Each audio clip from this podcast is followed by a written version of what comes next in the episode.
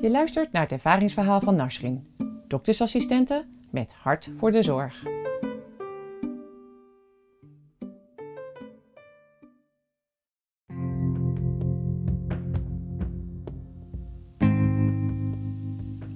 In 2001 ben ik gevlucht uit Afghanistan met mijn man en mijn kinderen.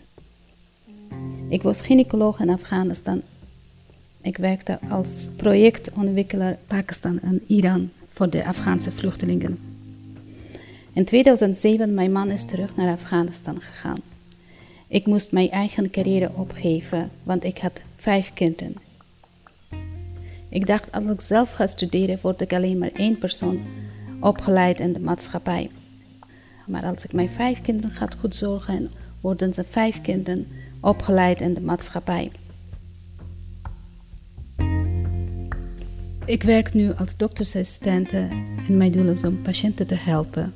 Voor mij maakt niet uit van welke duur ga ik binnen om patiënten te helpen. Als doktersassistente of als gynaecoloog of arts. Mijn doel is om patiënten te helpen. Ik help patiënten als doktersassistente.